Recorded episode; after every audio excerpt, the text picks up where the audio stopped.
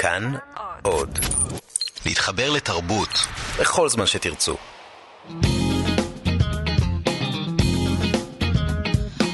שלום לכם מאזינות ומאזיני כאן תרבות, אנחנו עם מה שקורה, תוכנית הספרות של סוף השבוע. איתי בצוות התוכנית עומר מנחם שליט על ההפקה, רועי קנטן על הביצוע הטכני כאן באולפן, שירי לב-ארי. היום נדבר על uh, טבלאות uh, רבי המכר בארץ ובחו"ל. נדבר גם על uh, שלוש סופרות דרומיות מהדרום של ארצות הברית, נדבר על uh, מארי קונדו, כהנת הסתר היפנית. נדבר על uh, אנתולוגיה ראשונה, אולי הראשונה בכלל בישראל, של שירה מדוברת, היא נקראת בקול רם, ולבסוף אנחנו גם נחגוג יום הולדת לסופר אחד אהוב. נתחיל עם רשימות רבי המכר.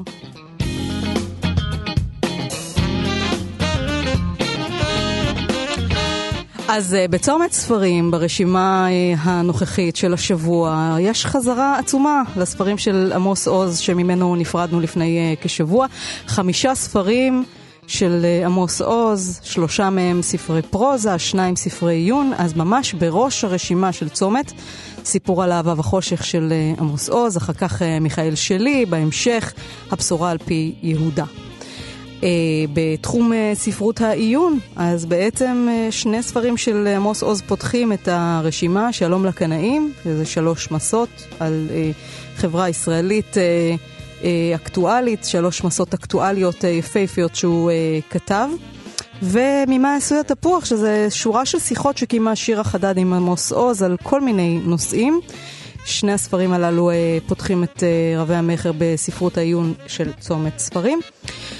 ואם נחזור רגע לספרי הפרוזה, ג'ודי פיקו, הסופרת האמריקאית עם ניצוץ של אור, חדשה ברשימה, וגם ספר של דיוויד בלדאצ'י שמככב ברשימות של הניו יורק טיימס, והוא אה, נמצא גם פה ברשימה עם אה, ספר מתח מטרה סופית.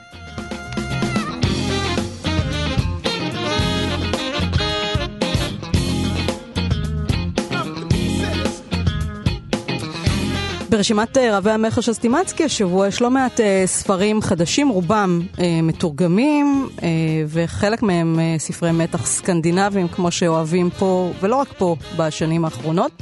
אז חדש ברשימה הוא ספר של גרם סימסיון, אם אתם זוכרים, פרויקט רוזי וספר ההמשך של פרויקט רוזי. אז כאן יש ספר חדש שנקרא האהבות, האהבות של אדם שרפ, של גרם סימסיון. וכמו שהבטחתי, שני ספרי אה, מתח סקנדינבי, אחד נקרא הקבר בהרים של צמד מחברים אה, אה, שוודים, מיכאל אה, יורט והאנס רוזנפלט. אה, זה עלילות של בלש קבוע, זה השלישי בסדרה בעצם, הקבר בהרים, אה, הבלש שלהם אה, שמו סבסטיאן ברגמן. כן, ברגמן כמו הבמאי ברגמן. ועוד ספר סקנדינבי, גם של סופר שוודי, פרדריק בקמן. נקרא עיר הדובים, והוא מספר על עיירה קטנה בשוודיה, על נבחרת הוקי קרח ועל תסריט אימה. אה, הוא אותו אחד שחיבר את איש ושמו אובש, שגם היה רב מכר. זהו אה, פרדריק אה, בקמן. ויש גם uh, ספר של מרגרט אטווד חדש ברשימה של סטימצקי ברשימת ספרי הפרוזה.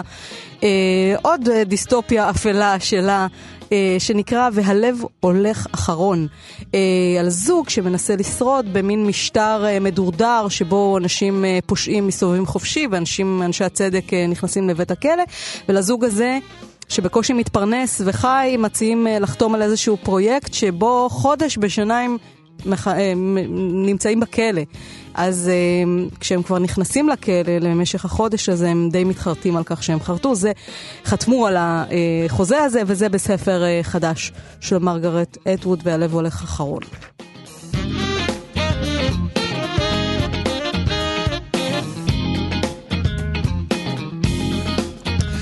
ועוד uh, ברשימת רבי המכר של סטימצקי, בספרות הפנאי יש ספר חדש uh, שכבש את הרשימה, את uh, ראש הרשימה לפחות.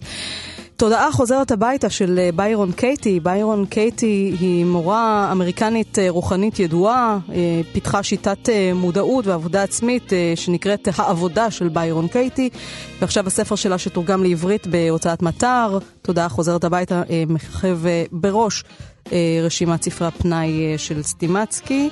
גם הספר שדיברנו עליו כאן לפני שתי תוכניות, אני חושבת, 12 כללים לחיים של ג'ורדן פיטרסון, נכנס גם הוא לרשימת ספרי הפנאי הנמכרת השבוע בסטימצקי.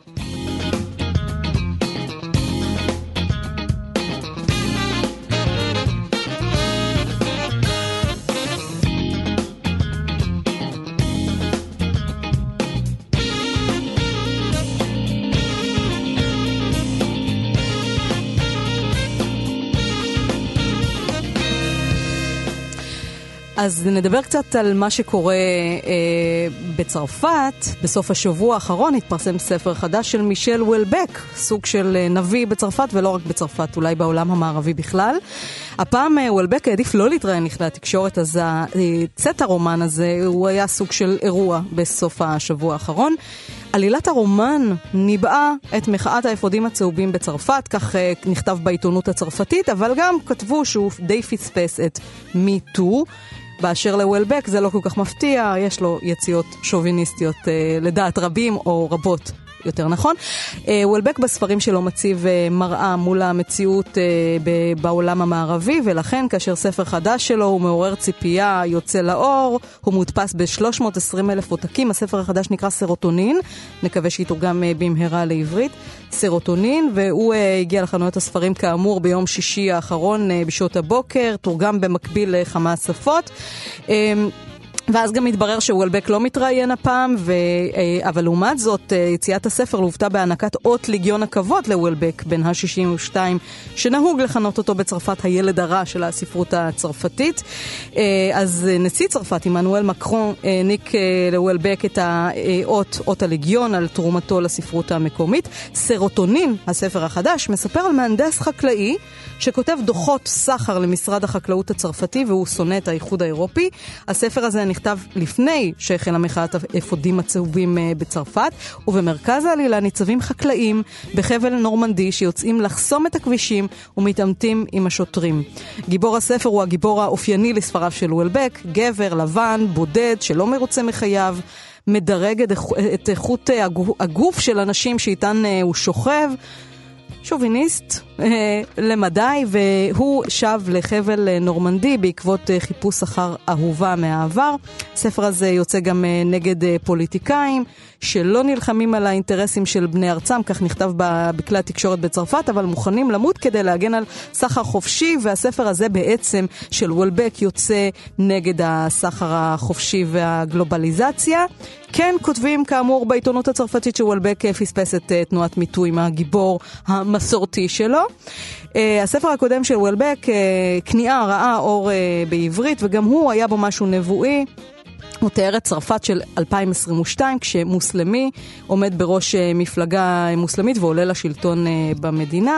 עטיפת הספר יצא על שער אה, גיליון השבועון הסאטירי שרלי אבדו בדיוק ביום שבו ביצעו מחבלים מוסלמים פיגוע ירי במשרדי המערכת. אז זה חוש הנבואה של וולבק, רומן חדש, סטרוטונין, שכבר כובש את טבלאות רבי המכר בצרפת, ואנחנו מחכים לו כאן בעברית.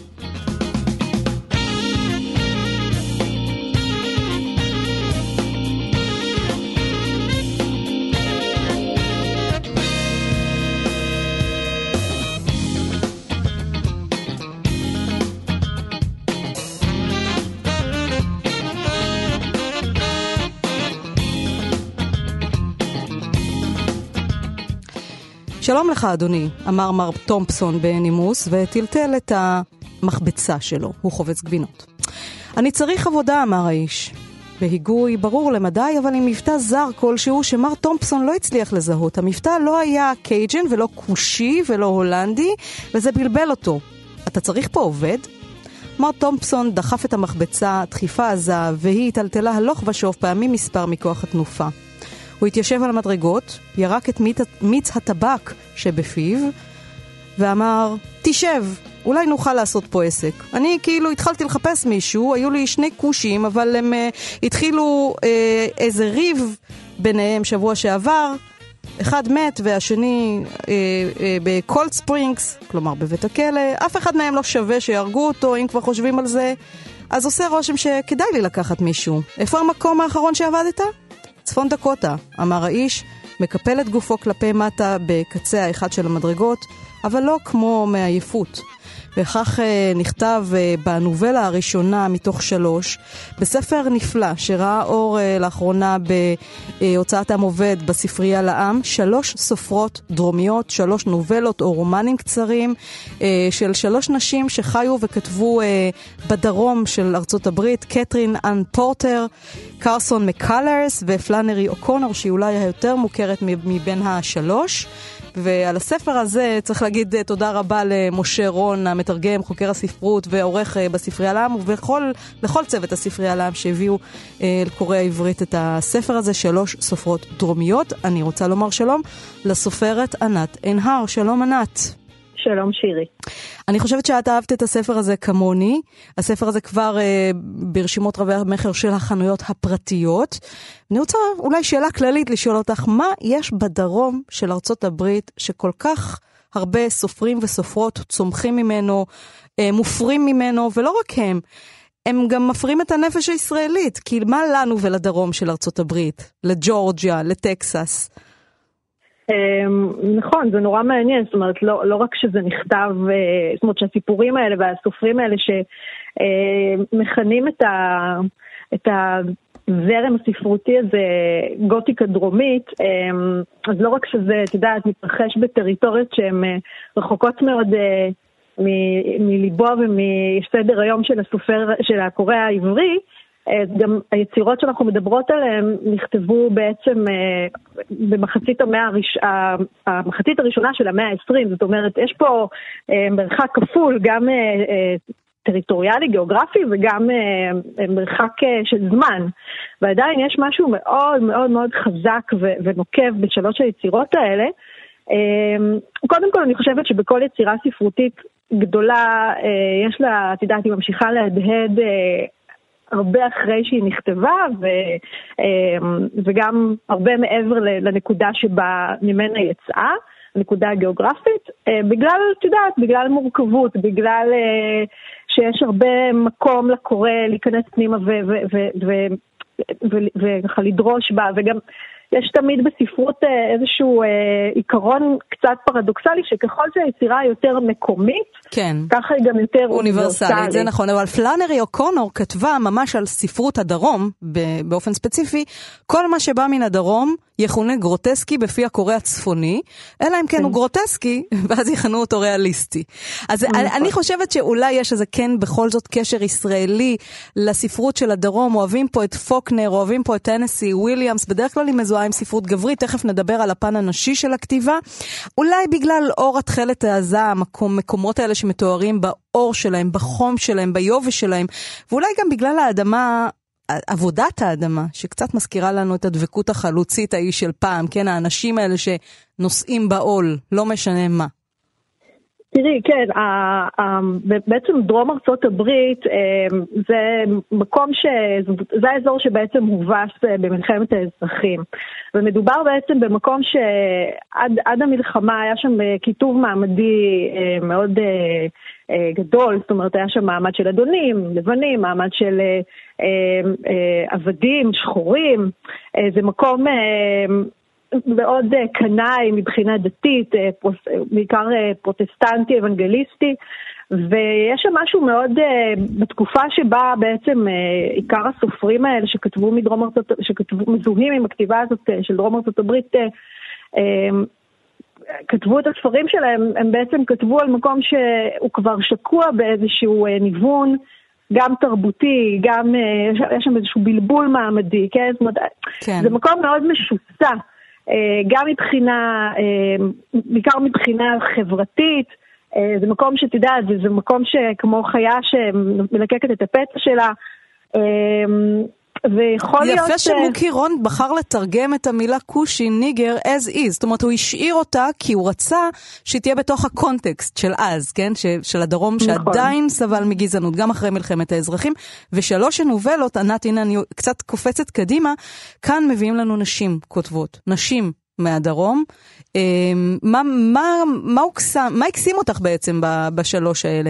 אני חושבת שהסיפור הראשון, הם גם נבנים, זאת אומרת, הסיפורים הם כרונולוגית נבנים, כי הסופרת הראשונה, אה, היא כתבה בסוף המאה ה-19 ותחילת המאה ה-20, ואחר כך ככה זה מתקדם כרונולוגית אה, בזמן. אנחנו מדברות על אה, קתרין אנ פורטר. נכון. נובלה שנקראת יין צהריים. כן. ששם הזר, תמיד יש איזה זר, איזה הלך שנכנס לחווה, שכמו שאת אומרת כבר נמצאת בניוון, באיזה שקיעה, והוא mm-hmm. עם, אה, הוא כנראה ממוצא שוודי, והוא אה, מצ... בקושי מדבר, אבל יודע לעבוד ומצליח לשקם את החווה הזאת ולהביא לשגשוג כלכלי של אה, בעלי החווה, עד שמגיע כעבור תשע שנים מישהו, עוד זר, כן, ופותח את העבר של השוודי נכון. הזה. אה, גם בסיפור שבנובלה שאת מדברת עליה, אין צהריים, וגם אה, בבלדה על הקפה העצוב של אה, קרסון מקארס, שאגב מוכר, מוכרת לקורא הישראלי מהרומן צייד בודד הוא הלב, שדווקא זה ספר די פופולרי היה בזמנו. כן. וגם באלימים מסעוע של אה, אוקונור, מדובר בעצם לא רק על, גם ככה הדרום מראש יש בו איזה משהו שולי, אבל בשלושת הזירות, שלוש הזירות, אה, זירות ההתרחשות של הנובלות האלה הן בעצם מבודדות בפני עצמן. וזאת, אלה טריטוריות נורא מעניינות להחדיר לתוכן אה, גורם זר, אדם זר. אה, דווקא למקומות כאלה שהם מאוד מאופיינים בחשדנות, אה, שוב, בדתיות עמוקה. אה, אלה מקומות שזר באופן בלתי נמנע יביא איתו פורענות. וזה גם מה שקורה בדרך כלל. כן, זה בדיוק מה שקורה, והפורענות הזאת היא בעצם, פורענות היא תמיד, את יודעת, מקור לדרמה. ואני חושבת שגם בארץ, בישראל, אם אנחנו שוב, את יודעת, מנסים לעשות איזושהי הקבלה אה, למה שמעניין את הקורא העברי, גם כאן יש הרבה עניין של אה, אה, חיכוך עם זרים, כן? אנחנו כבר לא קוראים להם כושים, אבל יש פה כל מיני זרים מכל מיני מקומות, וגם ישראל באמת היא חזק על התפר הזה, כן? גם מבחינה פוליטית, גם מבחינה חברתית. בכל מקרה, שלוש הזירות האלה מופרעות, כן? מתערערות כשנכנס לשם הזר, זאת אומרת, יש פה איזו אחיזת עיניים, כי לרגעים נראה שאולי הזר הזה דווקא מביא איתו איזושהי ברכה, כן? גם באיי צהריים שדיברת עליו, וגם אה, בבלדה על הקפה העצוב, ששם בעצם מדובר על איזה אה, עיירה נידחת אה, בג'ורג'יה, שמגיע אליה פתאום ממש איזה ערב אחד זר מאוד מסתורי, הוא גם מאוד, יש בו משהו מאוד גרוטסקי באמת, באיך שהוא נראה, הוא, הוא גיבן והוא גמד, ויש פה איזה משהו ממש קצת ככה כמו איזה יצור אגדי כזה. והוא רוכש את אמונה של מיס אמיליה, שהיא ככה מנהלת שם עסק ביד רמה, ואף אחד, היא נורא נורא קשוחה, אף אחד לא מתעסק איתה, והוא טוען שהוא בן משפחתה, ובאופן נורא נורא שנורא מפתיע שם את כל בני העיירה, היא מקבלת אותו אל ביתה, ואפילו כנראה מתאהבת בו באיזשהו אופן, זאת אישה מאוד מאוד גברית למראה, ככה שיש פה באמת איזה משהו מאוד מאוד אה, צבעוני, מאוד ססגוני, ורוכש, אה, את יודעת, המון מסתורים. שלושת, שלושת הסיפורים האלה כן. בעצם רוכשים המון מסתורים. והזכרת גם את הדתיות, את הפרוטסטנטיות הכבדה של המקום הזה, ש, ש, שמולידה לפעמים פוריטניות ממש, שמרנות. אז ברומן, ברומן הקצר האחרון אה, בספר, האלימים מסעוע של פלאנרי אוקונור, גם שם יש איש שהוא קנאי דתי, שמאמין שהוא נביא, ואז הוא לוקח את האחיין שלו ל- להיות נביא ממשיך, ולאחיין בכלל יש, אה, את יודעת, מחשבות משלו. נכון. אה, קודם כל, בעצם פלאנרי אוקונור הייתה קתולית בסביבה אה, כן, פרוטסטנטית. כן, אז היא הייתה מיעוט. היא הייתה מיעוט, ואני מניחה שזה גם, את יודעת, תמיד עמדה, נקודת מבט של של מיעוט, היא תמיד יש בה משהו יותר uh, מגוון. יש בה, יש תמיד לנקודת מבט הזאת משהו, ברגע שאתה מיעוט אתה בוחן את הדברים בצורה יותר uh, צדדית ויותר מעניינת. Uh, בסיפור, ברומן הזה, שפאנר וקונר התעקשה לקרוא לזה, שיקראו לזה רומן, זה לא נובלה, uh, מדובר uh, um, על uh, פרנסיס סטאר ווטר, שבאמת uh, נחת... הוא יתום, והוא נחטף ממש בינקותו על ידי הדוד רבא שלו, אה, מבית הדוד המשכיל שלו, הדוד המורה שלו, שגם נמלט בעצם בזמנו מאותו דוד קנאי ודי מטורף. והדוד הגדול הזה, הדוד הזקן, בעצם אה, חוטף את אה, טאר ווטר הקטן לאיזושהי קרחת יער, ממש, זה באמת מבודד, זאת אומרת אפילו אין שם ממש גישה, גישה סבירה, והנער הזה, הילד, ואחר כך הנער הזה הופך להיות לקהל שבוי להטפות של הזקן, וגם בעצם לזה שהזקן מייעד אותו ביום, ביום שבו הוא ימות, לרשת את uh, תפקיד הנביא. וטאו ווטר uh, הוא נער uh, מאוד מסוכסך, והוא מסרב לעשות על עצמו את השליחות הזאת, את הייעוד, את התפקיד הזה. ואני חושבת שמה ש...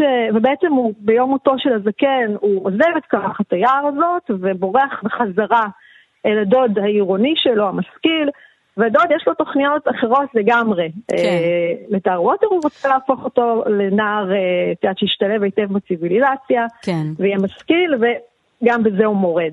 אגב, אה, אה, ענת, אה, הזכרנו קודם, שלוש הסופרות האלה הן בנות מה שנקרא חבל התנ"ך בארצות הברית, האזור הזה של המער... הדרום, שיש בו ערכים שמרניים ועדיין mm-hmm. לוקה בגזענות, ושוב, הדתיות האוונגליסטית הפרוטסטנטית. הן, שלושתן עזבו את הדרום, את הדרום באיזשהו שלב. אה, פלאנרי אוקונור חזרה לשם אה, בש, בשנותיה האחרונות, אבל עדיין המשיכו לכתוב על הדרום. עכשיו, במה היצירות שלהן לדעתך שונות, נגיד, מהיצירות הגבריות, מהרפר לי, כן, אל תיגע בזמיר, או אה, פוקנר, אור באוגוסט. כן. אה, הרפר לי אישה, למרות שאמרו שקפוטי אולי כתב את זה, או משהו כזה. אה, תראי, אני, אני, אני לא יודעת אם יש פה איזשהו הבדל אה, מהותי. פוקנר הוא באמת, את יודעת, הוא, אפשר להגיד, הוא, הוא המלך של, ה, של הזרם הזה, ויש לו ספרים אה, מאוד מודרניסטיים, מאוד אה, ניסיוניים. פה למשל, בספר הזה, הכתיבה היא, היא, היא ריאליסטית, זאת אומרת, הסיפורים הם לא פשוטים בכלל, אבל אין פה מבחינה צורנית, הם מאוד נגישים, זאת אומרת, הם מתורגמים לעילה ולעילה על ידי משה רון ודבורה שטיינהארט, אבל מבחינה לשונית, הם, את יודעת, הם שומרים בעצם על הנוסח הריאליסטי. אמ, ולכן, את יודעת, יש בהם אולי משהו שלכאורה הוא נגיש יותר אה, מהספרים של, אה, מהספרות של פוקנר, שהיא באמת אה, נורא ניסיונית וגם כבדה, ולפעמים גם לא ברורה, כן? זאת אומרת, אנחנו הולכים לאיבוד שם. כי את לא יודעת באיזה תודעה את נמצאת באותו רגע. באיזה תודעה, כן, הוא, הוא לא עושה לנו חיים קלים. עכשיו, פה באמת הסיפורים הם... את, את, מי שקורא אותם יכול להתמצא היטב במה שקורה שם, אבל uh, אני חושבת ש... אבל, אבל יש בהם משהו מאוד חזק. כן. ומשהו מורכב לא פחות. עכשיו, אם את מדברת על, על, על, את יודעת, על העניין הזה של לעזוב מקום ו, ולכתוב ולהמשיך לכתוב עליו, אני חושבת שיש בזה משהו מאוד חזק, כי אגב, פוקנר לא עשה את זה, אבל ברגע שאתה עוזב את המקום, אתה מקבל עליו פרספקטיבה, פרספקטיבה כן. הרבה יותר מחודדת. ענת, את כותבת ברשימה אה, על הספר, הספר כולו הוא שיעור מאלף בגדולה ובענווה, הוא מוכיח לנו כמה גדולה יכולה להיות הספרות וכמה קטן הוא האדם לעומת ייעודו. למה את מתכוונת בהקשר של הספר הזה, שלוש סופרות? אה, אני מתכוונת ש... עוד פעם, את יודעת, אה, זה, זה אולי מחזיר אותי לתחילת השיחה שלנו, שעל אף שהסיפורים האלה באמת אה, נכתבו מזמן, כן? אה, מאז יצאו הרבה הרבה הרבה ספרים, נכתבה הרבה ספרות, הספרות השתנתה, ו, וגם רחוק מאיתנו עדיין, וגם על נושאים שבאמת הם, את יודעת, לא בהכרח הלחם והחמאה של, של הקורא העברי, יש בהם, הם כל כך מרתקים והם כל כך לוכדים אותך, והם כן. כל כך, והקורא, כל כך יכול למצוא את עצמו בתוכם. שאני חושבת שזה מעיד על, אה, על גדולה. כן, אה, זה בהחלט היופי והעוצמה של הסיפורים האלה בעצם קורנים משם, מהמאה ה-19, תחילת המאה ה-20 אל אה, ישראל של היום. שלוש סופרות דרומיות, קתרין אנ פורטר, קרסון מקלרס ופלאנרי אוקונור בספרי על העם של עם עובד. ענת עינר, תודה רבה לך על השיחה הזאת. תודה שירי, להתראות. להתראות.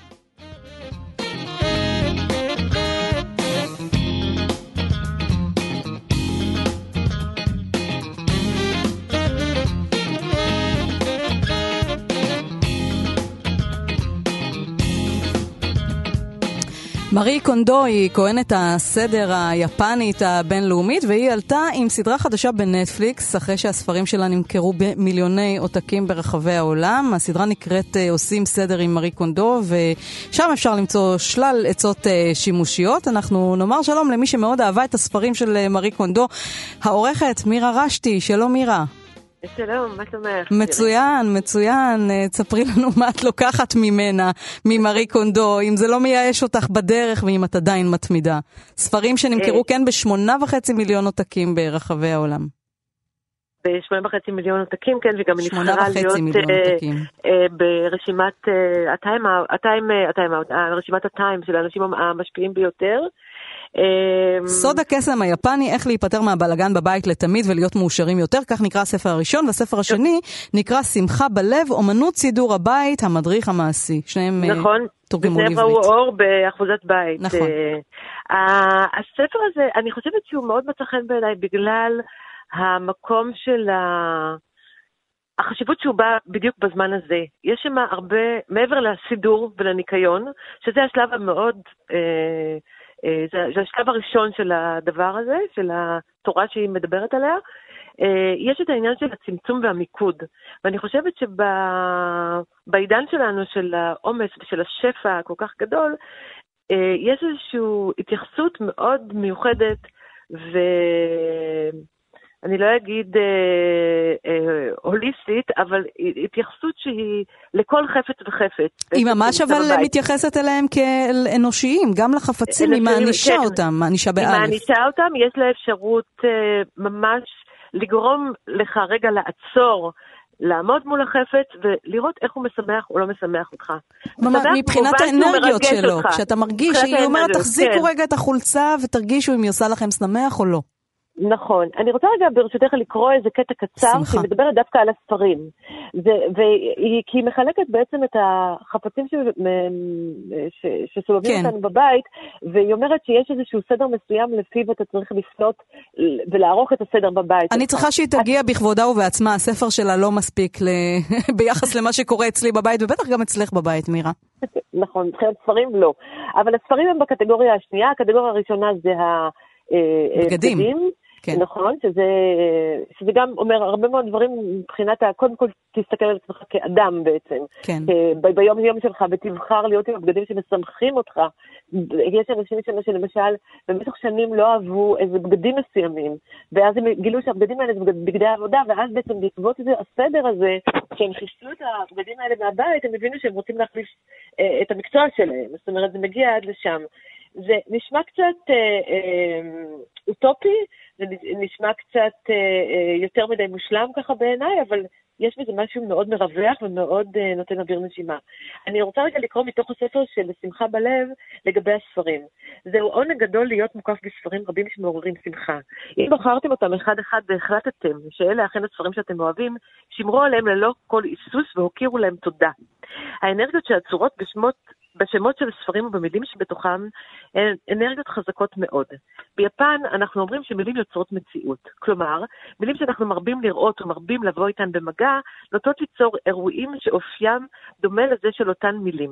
במובן זה, הספרים שתבחרו לשמור יעצבו את אישיותכם וגורלכם. אה, אם תבחרו על בסיס השאלה הזאת את הספרים שאתם רוצים לשמור, יש אפשרות שבמהלך האירועים בחייכם ישתנו מקצה לקצה.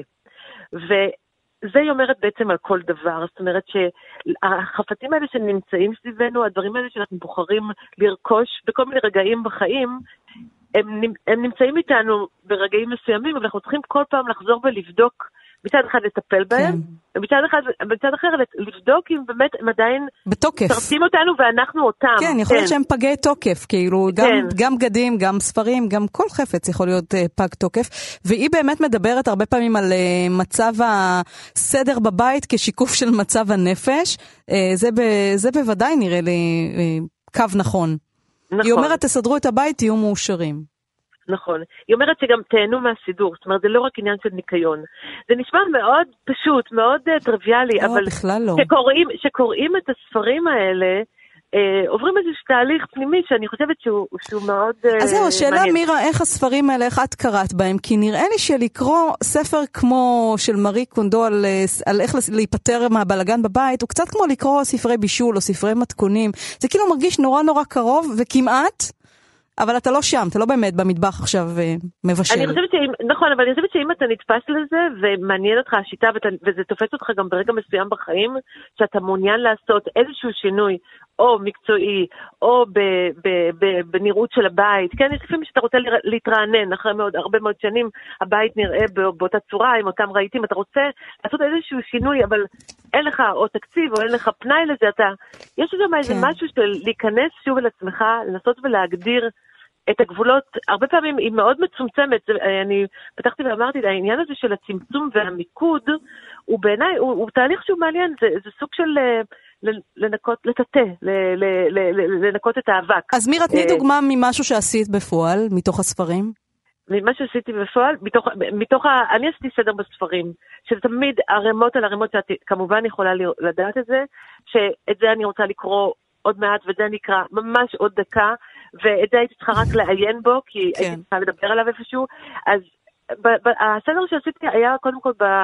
אה, לא, לא קודם כל, זאת אומרת, עשיתי עוד סדרים אישיים אחרים, אבל הסדר בספרים שהיה, הוא עזר לי ל, ל, ל, את, להגדיר את כל פינת העבודה שלי. איך היא מנחמת uh, על הפרידה מהספרים? בוא, בוא נשאל את זה ככה. אני, אני היא מנחמת... Uh, אין לה עניין של נחמה, היא נחמה. היא בעיקר מנחמת את זה שאתה נהיה יותר קל, ואתה אתה, אתה פותח את הספרים שהיו, שישנו, זה כאילו, זה, היא מדברת שם על העניין הזה של הדברים רדומים. ברגע שהם נערמים למשל, והרבה פעמים זה קורה עם בגדים, עם כלים במטבח, עם uh, סבונים שקנית פתאום באיזושהי uh, קפריזה, זאת אומרת, אז, אז הם, הם ישנים נערמים. בעצם. הם ישנים, ואז ברגע שאתה, uh, את מעביר אותם למקום אחר, אתה שם אותם בקטגוריה אחרת, נגיד בספרייה, כן? כן. אז אתה, אז אתה מעורר והם...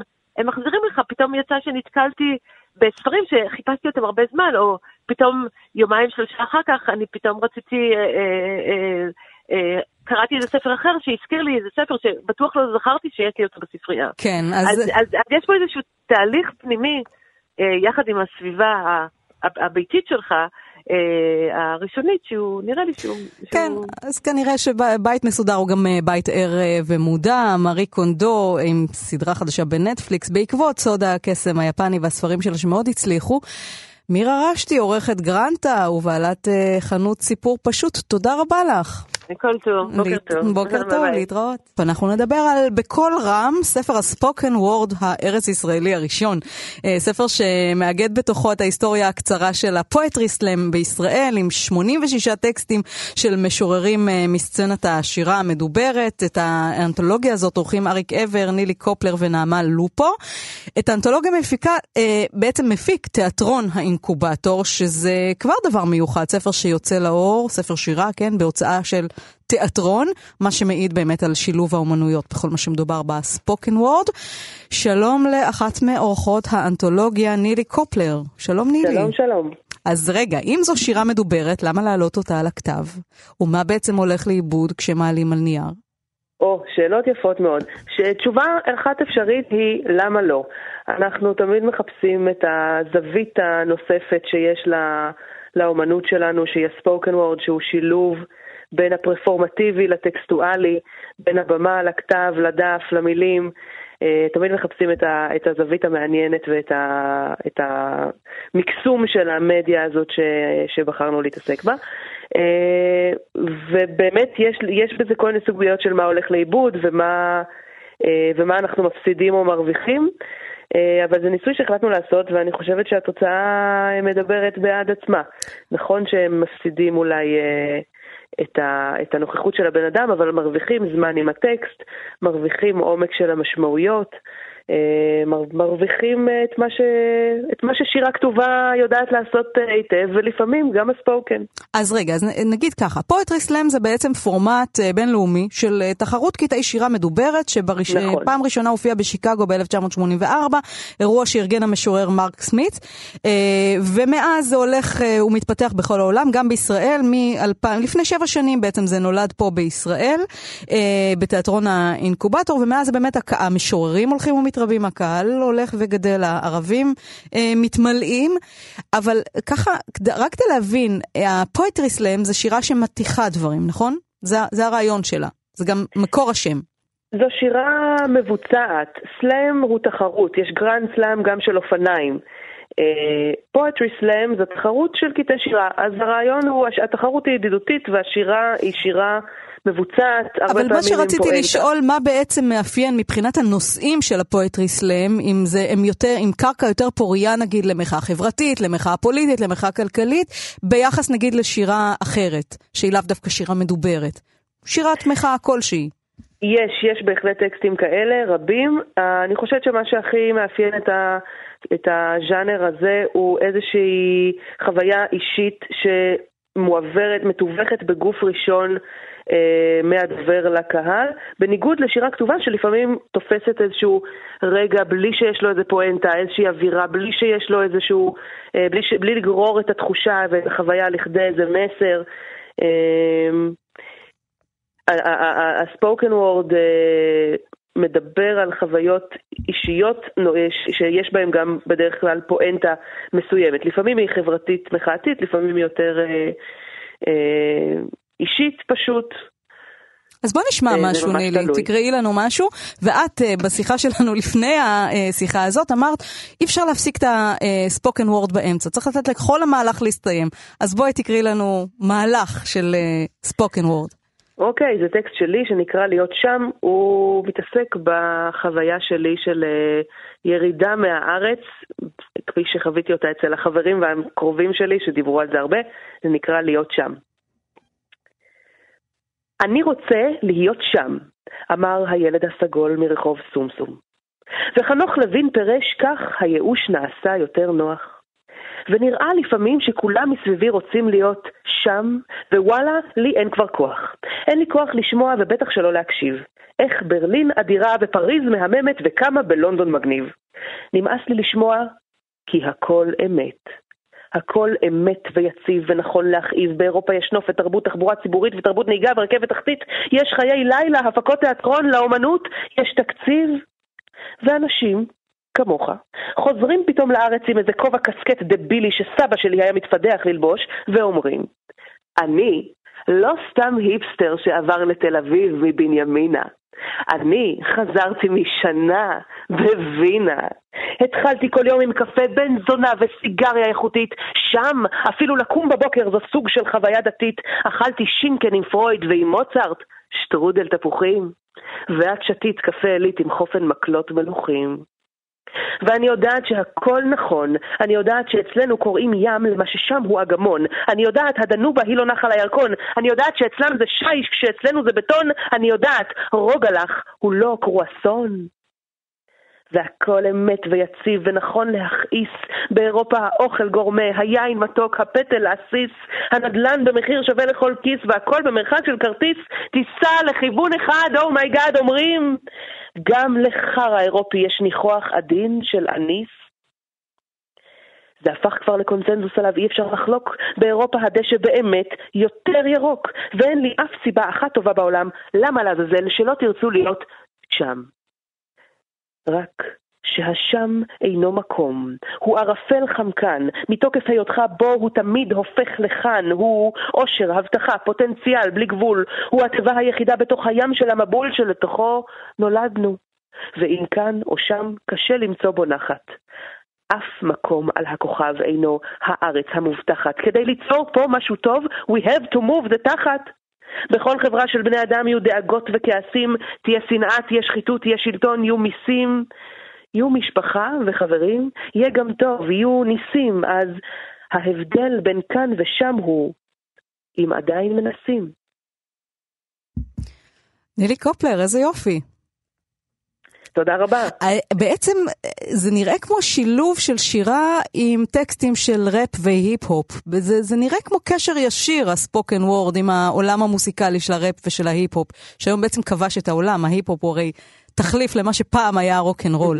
אז נגיד, מה ההבדל בין אה, שירה מדוברת לבין הראפרים וה, וה, והאומנים שמבצעים את הטקסטים שלהם בעצמם? אולי גם זה שירה, אולי אפשר אה, להוציא גם אנתולוגיית היפ-הופ. תראי, בהחלט, יש ראפרים שבהחלט ראויים הטקסטים שלהם. אה, טונה, פה בארץ ב... למשל? טונה, בלי ספק, יש את ג'ימבו ג'יי ופדרו כן. גראט, שהם מוותיקי כן. הסצנה של ה spoken word בארץ, פדרו גראט גם אחד המייסדים של ה poetry slam. אה, אני חושבת שאחד ההבדלים הוא קודם כל זה שהראפ וההיפ-הופ בהיותם מוזיקליים אה, למהדרין, בואי נגיד, יש להם איזשהו ביט שהם מחויבים אליו. אה, חלק ממה שיוצר את, ה, את האומנות הזאת למתקשרת ומעניינת, הראפ הוא גם העיבוד המוזיקלי וה, והתזמור והנגנים וכל מה שנלווה לזה, בעוד שהספוקן וורד הוא באיזשהו מקום היפ-הופ או ראפ עירום. אין לי ביט, אלא אם כן אני רוצה לשמור אותו במילים שלי. הביט הוא בחרוז ובקצב בעצם. נכון, ויש כאלה שלא לא בוח, לא בוחרים בשיטות האלה. יש קטעי ספוקן וורד שאין להם חריזה ואין להם איזשהו ביט, זה ממש תלוי כן. uh, ביוצר. בספוקן וורד המילים, המילים ואתה ניצבים חשופים על, ה, על הבמה מול המיקרופון. אז הנה אנחנו מקבלים את זה גם על אה, נייר בשר שלנו. ודם, כמו שאומרים, בקול רם אה, אנתולוגיית נכון. הספוקן וורד הראשונה אה, בישראל. ומי שמעוניין בה, יכול להיכנס לאתר שלנו, אור.גייל, ולהזמין את הספר אליו הביתה, או לרכוש אותו באירועים שלנו. נילי פורטר, תודה רבה לך. קופלר, נילי קופלר, תודה רבה לך. תודה. הרוקי מורקמי, סופר יפני, אהוב, שחוגג יום הולדת 70 בעוד יומיים, שבת, 12 בינואר. אה, כן, ימלאו לו 70, ואנחנו נאמר שלום ליולי שפירא, שלום לא, יולי. את האמת לא ליולי שפירא, זה פשוט הרוקי מורקמי קצת ידבר איתכם בעברית ולא ביפנית, כי נמאס לי קצת לדבר מיפנית. אז אתה היום אה, בתקן הרוקי אה, מורקמי, אחרי שתחקרת את כל הרעיונות כן, וקראת את כל הספרים שהוא כתב, אתה קורא אותם ברוסית כמובן, אני קוראת אותם בעברית, נכון. אבל יפנית זו יפנית, והרוקי מורקמי, רק נספר אה, למאזיננו, נולד לפני 70 שנה, הוא נולד, הוא גדל, הוא נולד בקיוטו, אבל הוא גדל רוב חייו בקובה. ובנם של אה, נזיר בודהיסטי ושל אה, אה, מורה לספרות. הוא גדל בבית מאוד תרבותי והתחבר עד מהרה כבר בילדות עם תרבות המערב. אהב ג'אז, אהב ביטלס, אהב קפקא, דוסטויבסקי, סלינג'ר, עדיין אוהב. אה, למד תיאטרון, ולמה אנחנו שומעים ג'אז? גם כי ב-1974 הוא פתח מועדון ג'אז וניהל אותו אה, במשך שמונה שנים. אמת. אז יולי שפירא, על תקן הרוקי מורקמי. על תקן הרוקי מורקמי. אז את יודעת שירי, אני פתאום שמעתי את שתי הפינות האלה הקודמות שלך, ויש לי הרוקי מורקמי לא מעט דברים להגיד על הבחורה הזאת היפנית, שמנסה לסדר לכולם את החיים. יש לו גם לא מעט להגיד על poetry slam, אבל את זה נדחה לפינה אחרת. אז מה שהרוקי רוצה לספר לכם על עצמו, אה, לפני כשנה פנו, פנו אליי מה-CNN, פנו אליי מה-CNN וביקשו ממני לעשות סרט דוקומנטרי עליי. סרט של שעה וחצי. עד עתה כל הרעיונות שלי בתקשורת מסתמקמים בשלוש דקות. כשהייתי פה בישראל וקיבלתי את פרס ירושלים, ציפו ממני לאיזשהו נאום, אני עליתי על הבמה ואמרתי להם תודה. זה כל מה שהיה לי להגיד. והסתגרת אחר כך בחדר במלון, לא רצית לראות לא עיתונאים, אני לתת... זוכרת כי ניסינו. נכון, ניסיתם ואני אגיד לך משהו, משכנות שאננים זה מקום די משעמם, אני חושב שאם אולי הייתי בתל אביב וראיתי רואה את הים, הייתי מוכן לרעיונות יותר אני חולקת עליך, זה אחד המקומות היפים בארץ, מר מורקמי, אבל בכל אוקיי, זאת, אוקיי. אתה יודע, אתה ידוע בעולם בזכות uh, יער נורבגי, זה הספר הכי מפורסם נכון. שלך, יש כאלה שאומרים, קראת ספר אחד של מורקמי, קראת את כולם. מה אתה חושב על האמירה הזאת? אז אני אגיד לך משהו לגבי יער אה, נורבגי. יער נורבגי אולי הספר הריאליסטי היחיד שלי. אה, אוהב... גם בו יש, נכון, כן, הוא הכי קרוב לריאליזם. הוא הכי קרוב לריאליזם ואני אוהב, אוהב לרוב ספרים סוריאליסטיים. ואז שואלים אותי לגבי למה אתה אוהב ספרים סוריאליסטיים, למה בספרים שלך אין סוף. אני תמיד אומר להם, אה, מספר להם על צ'נדלר. צ'נדלר אף פעם לא אהב שיהיה סוף ברור לרומנים שלו. אבל רציתי להגיד לך משהו אחר, מה שאמרתי לאותו הבחור מה-CNN, אותו הברנש, אני חושב שקראו לו דיוויד רמניק, אני לא זוכר, הוא אחד העוזרים של דיוויד רמניק, לא שאני זוכר ולא שזה חשוב. אז אמרתי לו, תשים לב, אתה הולך לעשות סרט דוקומנטרי עליי. החיים שלי דומים לחיים של נזיר טיבטי. לא קורה בהם כלום. אני קם בבוקר, אני עובד, אני כותב, אני רץ, אני שוחה, אני שומע המון מוזיקה ג'אז. על מה בדיוק יהיה הסרט שלך? תשים לב גם, דיוויד היקר, כשאני מקשיב למוזיקה ג'אז, אני לא כותב. כשאני כותב אבל, מוזיקת הג'אז מתנגנת לי בראש. ולמה? בעצם המוזיקה והכתיבה בנויים מאותם הארבע יסודות המרכזיים. קודם כל, אתה צריך שיהיה לך ריתם. וחתיכת ריתם היה לארד בלייקי, אני מקווה שיש בספרים שלי ריתם. לאחר מכן אתה צריך ליצור את המנגינה. מה אותה המנגינה שבדרכה עוברות המילים, חורזות זו את זו, מתכתבות זו עם זו, לפעמים אולי אפילו לא יפה להגיד מקיימות יחסי מין זו עם זו. אחר כך אתה צריך לשמור על ההרמוניה. ההרמוניה היא בעצם הסטרוקטורה של המוזיקה והסטרוקטורה של הכתיבה. ואחר כך, וזה הכי חשוב, אתה צריך improvisation. כל השאר בכתיבה improvisation. את יודעת, את יודעת שירי, יש, יש שני אומנים שאני מאוד אוהב. אני מאוד, מאוד אוהב את המוזיקה של צ'ארלי פל, פארקר, והמוזיקה של צ'ארלי פארקר מזכירה לי סיפורים של סקוט פיצג'רלד, שתרגמתי אותם כשהייתי בן 25. נכון, גם תרגמת את אה, סלינג'ר. סלינג'ר וקרבר. וקפקא. לא, קפקא לא. קפקא לא. הוא רק אוהב את קפקא ועשה לו מחווה בקפקא על החוף. אפילו כן. פגשתי את קרבר בארצות הברית, אני לא זוכר, נדמה לי שהיה זה ב-85, הוא היה אמור להגיע אליי, לא הגיע, אבל רק להגיד לך דבר אחד, מהי מוזיקה ומהי כתיבה. טלוניוס מונק אומר שבעצם, ושימי לב מה הוא אומר, הוא אומר אין תווים חדשים, אבל מה, לכל תו בן זונה שקיים, אני חייב להתייחס אליו ברצינות, אני חייב לתפוס את הנשמה שלו. אותו דבר בכתיבה, בכתיבה אין מילים חדשות, אבל כל מילה שאני תופס אותה, שאני תופס אותה בארבע או חמש האותיות שלה, אני חייב לתפוס אותה חזק ולהעניק לה משמעות חדשה. אני חושבת, מר מורקמי, שהמילים שלך יוצרות אווירה. זאת אומרת, הן באמת בונות איזשהו עולם בתודעה של הקורא, שיש בו המון המון מסתורין, ויש בו עוד דבר. יש בו איזה מין השעיה של השיפוט. כשאתה, כשהוא, כשאתה מספר לנו על הדמויות שלך, אנחנו לא רוצים לשפוט אותם, אנחנו מקבלים את הדברים כפי שהם. אנחנו מקבלים את המציאות הכי הזויה שמתוארת בספרים כפי שהיא. איך זה יכול להיות שדברים כל כך ריאליסטיים וכל כך סוריאליסטיים שוכנים יחד באותו משפט, באותה נשימה? אני אגיד לך לגמרי, את צודקת שירי לגמרי, כי אני מאוד מאוד, הדבר הכי שנוא עליי זו השיפוט. אני מתבונן על העולם ואני רוצה שככה הקוראים שלי יתבוננו בו. מעבר לזה, אני רוצה שהקוראים שלי יצחקו כשהם קוראים את הספרים שלי, לפחות פעם ב-20 עמודים. הגיבורים שלי חווים איזושהי חוויה. לפעמים החוויה הזאת מזכירה לי את החוויה של אודיסאוס. הם חווים המון דברים מוזרים במהלך החיפוש. אם תשימי לב, כמעט כל ספר שלי, אם זה קפקא על החוף, אם זה יער נורבגי, אפילו איי-קיו 84 שבו ניסיתי לכתוב את האחים קרמזוב מחדש, ולא הצלחתי. להגיד לך את האמת, היום כשאני בן 70, את מאמינה שסירבתי כמובן לסרט הדוקומנטרי? אני חושב, אם להיות כנה עם עצמי, עם הקוראים, עם המאזינים, הכוח האמיתי שלי הוא בסיפורים הקצרים. הכוח האמיתי שלי הוא בסיפורים הקצרים שאיכשהו בישראל כמעט ולא מפרסמים אותם. אנשים ללא גברים, הנערה מפנמה, כל אותם ההבלחות הקטנות, אבל מעבר לזה, את יודעת שירי, בכל זאת אנחנו מדברים על ג'אז ואנחנו מדברים על הרוקי מורקאמה. אז מהו ג'אז? אז כתבתי פעם באסקווייר והסברתי במאמר שלם מהו ג'אז בשבילי, ואני אגיד לך מהו ג'אז. שימי לב, כרגע אנחנו מדברים. אנחנו מדברים על כל מיני דברים, אבל אנחנו לא אומרים גם המון דברים. אני, אולי כי אני פוחד, אולי כי אני חרד, אולי כי אני מתבייש, אולי כי יש דברים שאסור להגיד, אולי יש, כי יש דברים שאני מתבייש להגיד לך, שמא את תביני אותם לא נכון. ואז אני אחזור הביתה, או אני אלך עכשיו לאכול בפונדק איילון, או בכל מקום אחר. בדרך לשם אני אחשוב, רגע, הייתה לי הזדמנות לדבר עם שירי באמת, אבל היו המון דברים שלא אמרתי. ואז מורקמי אמר, אני אומר לך את הדבר הכל כך יפה הזה. ג'אז בשבילי הוא כל אותם הדברים שלא נאמרו, כי חששנו לפתוח לגמרי את הלב ולהיות כנים ואמיתיים זה לזו. איזה יופי, מר מורקמי. אז אתה מדביק אותנו באהבת הג'אז שלך. יולי שפירא, אני אה, חייבת לספר קצת כן. על יער נורבגי, שזה הספר הראשון שלו שתורגם לעברית, והוא כנראה מצליח בכל הזמנים, על סטודנט. ווטנבה, שמגיע כן. למעונות, והוא מאוהב בנאוקו. ונאוקו היא אישה צעירה mm-hmm. שמפלרטטת עם mm-hmm. המוות. Mm-hmm. והקשר שלו איתה הוא קצת קשר עם המתים, ובאמת סופה ידוע מראש, כן. והיא גם מתה. מצד שני, יש את מידורי, הנערה השנייה שהוא מאוהב בה, שכל כולה מחוברת לחיים, היא מטפלת באנשים זקנים, דווקא היא זו שחווה את המוות האמיתי, כן? הממשי, לא המפונטז של נאוקו. והסטודנט הזה של שלנו נע בין שני עולמות, בין המתים לחיים, וזה גם סיפור אהבה יפהפה.